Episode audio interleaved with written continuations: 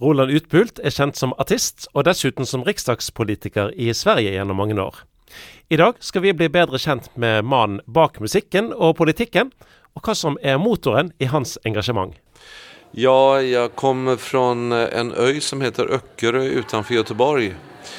Och eh, min far var fiskare och eh, min släkt har varit fiskare under flera hundra år. Eh, men jag valde att studera och sen så har jag då sysslat med eh, musik och skrivit sanger och eh, även politik på senare tid. De sista två decennierna har jag hållit på med politik. Ja, du är ju med i riksdagen i Sverige. Det blev väl Norges storting samma namn?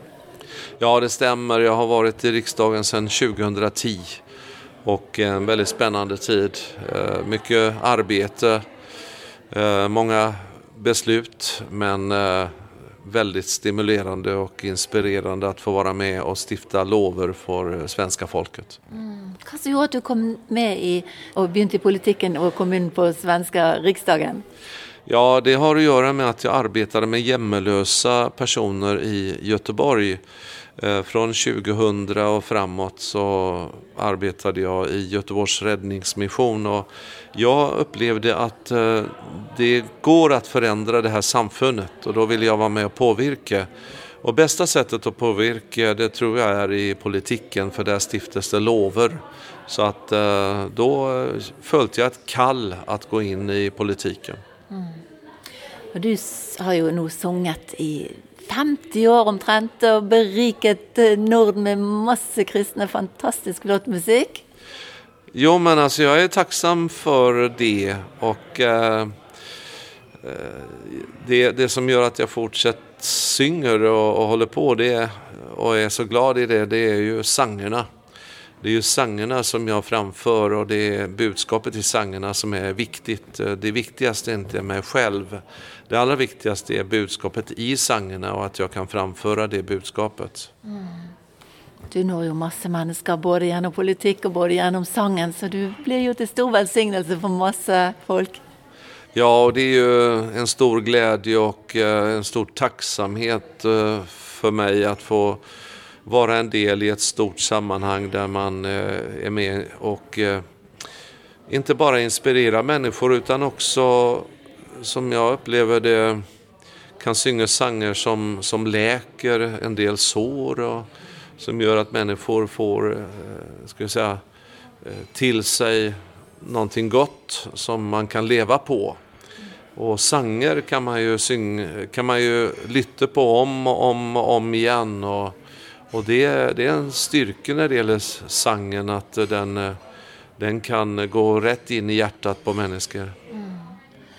Du har ju fått, du har ju sjungit samman med många kändisar och Andrew Crouch. Du har sjungit med Jerry Lee Lewis. Kan jag säga det eller?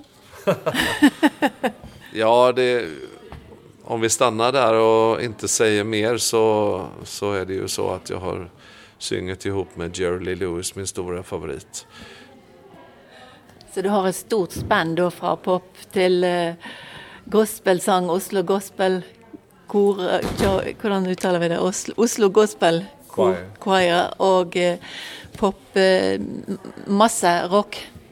Ja, alltså jag har sjungit med uh, Andre Crouch, Oslo Gospel Choir. Jag har använt Sveriges Radio Symfoniorkester och bästa musikerna, fantastiska producenter och så vidare. Jag har fått arbeta med väldigt, väldigt mycket duktigt folk. Och eh, det, det är naturligtvis en stor förmån och någonting som jag är väldigt tacksam för. Mm. Många känner ju dig så vi har sagt, snackat om. Men kan vi egentligen Roland bak detta här? Du har fortalt att din far, föräldrar fiskar, fiskargenerationer, Men annars, kan vi? du? Ja, alltså jag är ju en, eh, en ganska drömmande person eh, som drömmer goda drömmar, som eh, drivs av en filosofi om att törre lite mer och tro lite mer varje dag.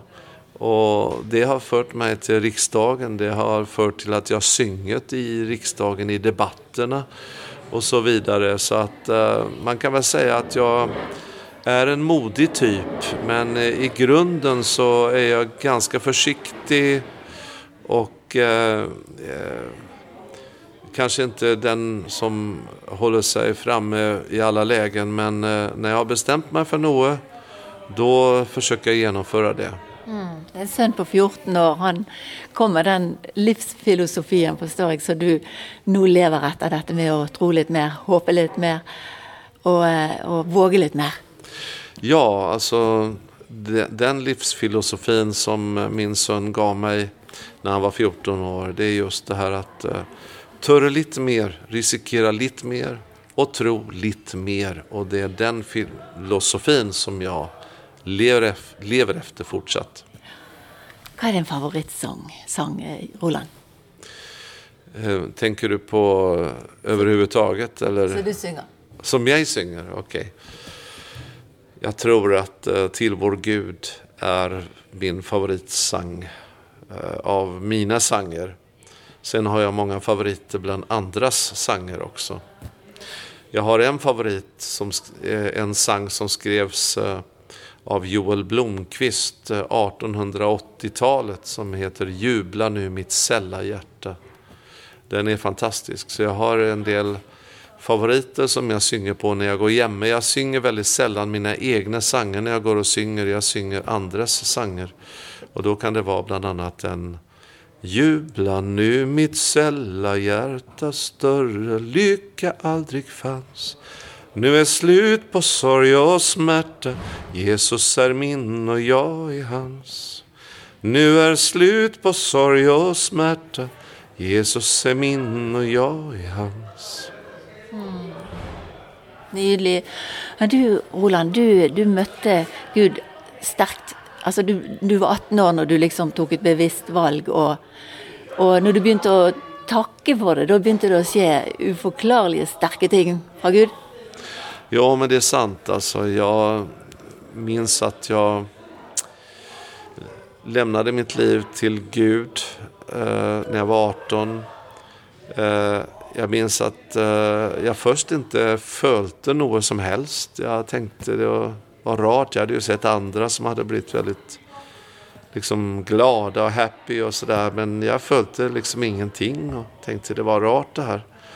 Fast jag var bevis på att jag hade blivit en kristen. Men, men sen ett par veckor senare så kom jag ihåg att jag tänkte jag ska tacka Jesus för att han har frälst mig. Och det gjorde jag. Jag minns var jag var, jag satt i bilen och, och gjorde detta, tackade Jesus för att han hade frälst mig och då så fylldes bilen och hela jag med en stor glädje.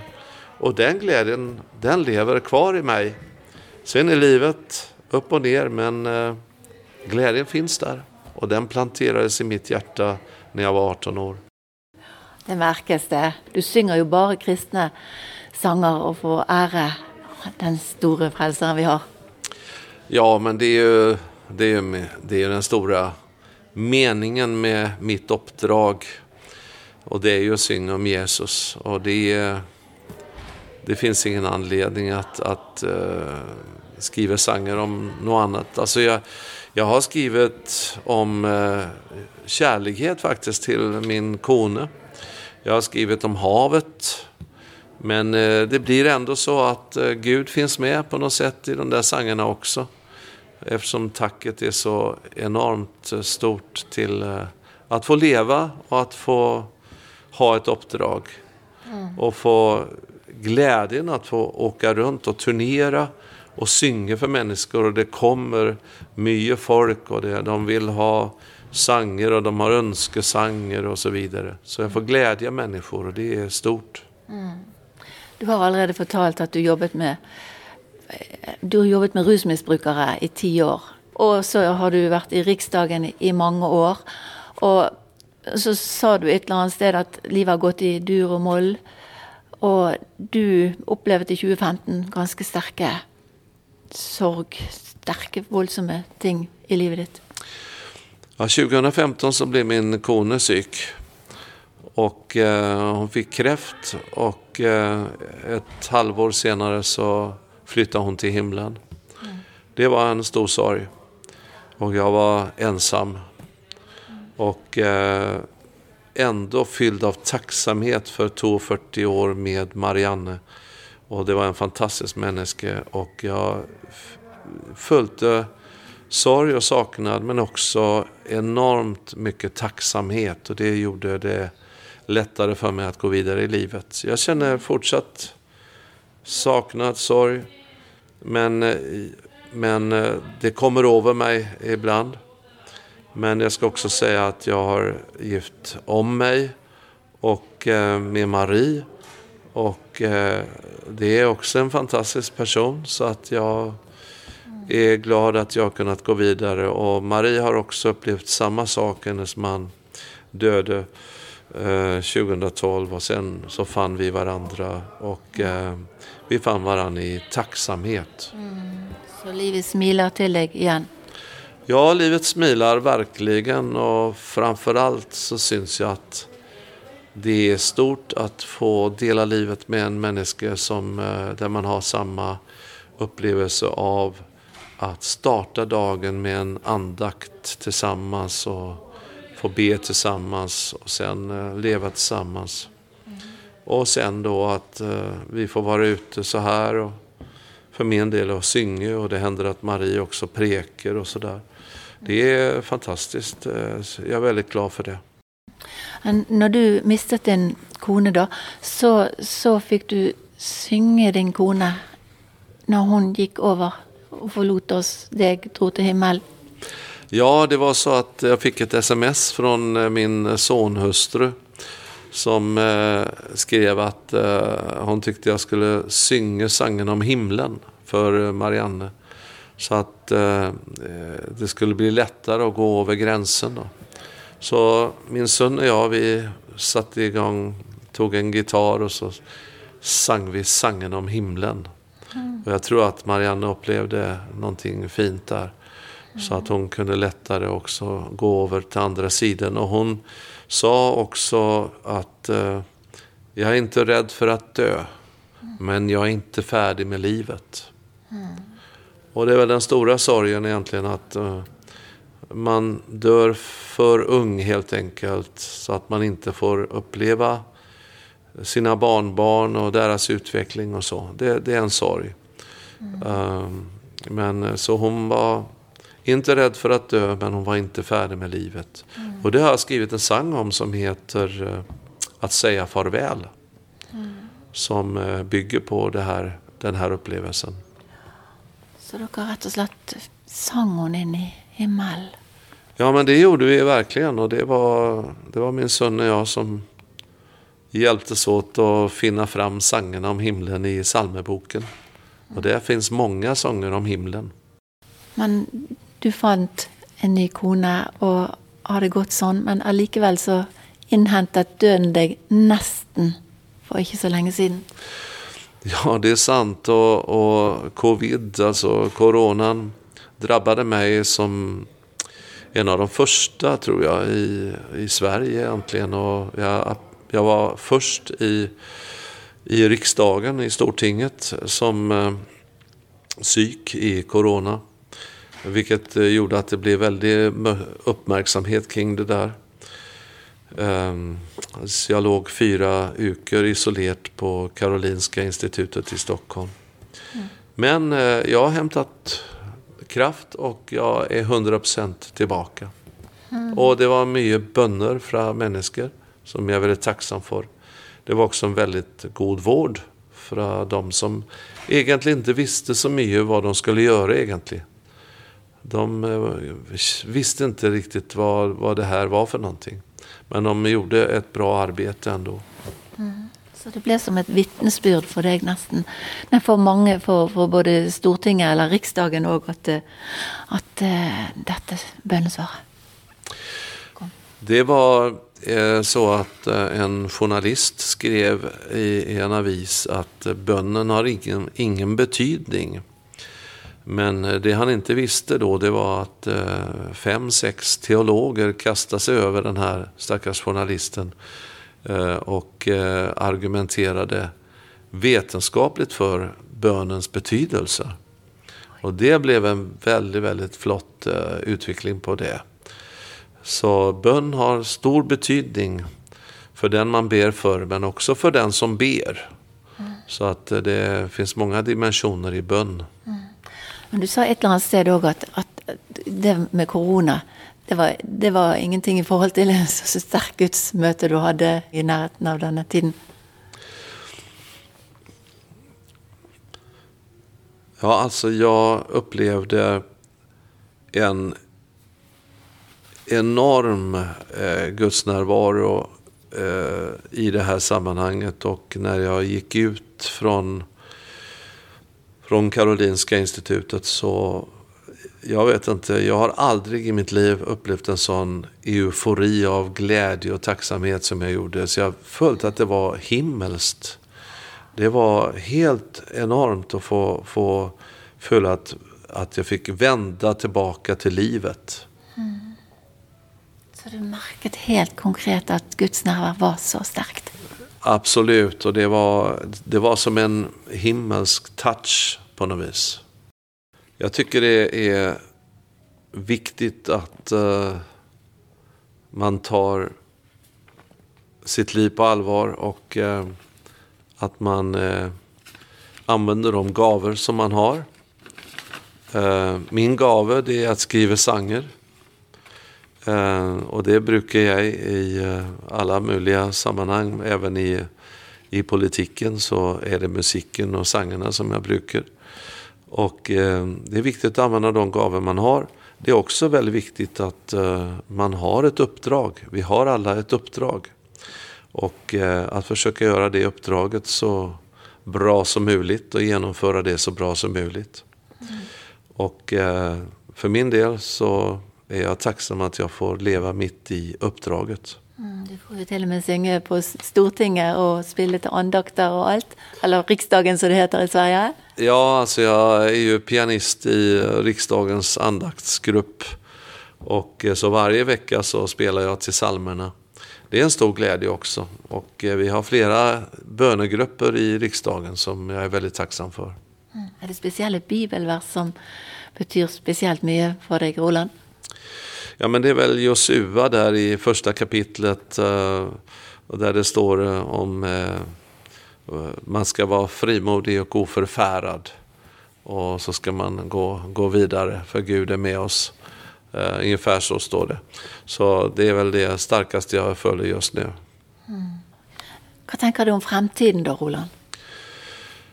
Jag ser framtiden som, som ljus därför att eh, jag tror att eh, Gud kommer att eh, rätta till allt det här som, eh, som är tokigt i, i världen. Eh, man kan se, om man ser det rent mänskligt sett eh, så, så är det svårt att se en riktigt ljus och, och, och, bra framtid för mänskligheten. Men i och med att vi vet att Gud håller allt i sin hand så är jag övertygad om att han med sin stora kärlek till människor eh, och till sin, sin skapelse så är jag övertygad om att han kommer att, eh, att eh, rädda rädda världen. Och vi väntar ju enligt Bibeln att Jesus kommer tillbaka och ställer saker och ting till rätta. Jag kan inte allt om det här, vad som händer framöver rent teologiskt, men jag är trygg i min tro att eh, Jesus kommer tillbaka och att Gud kommer att upprätta det som har gått förlorat.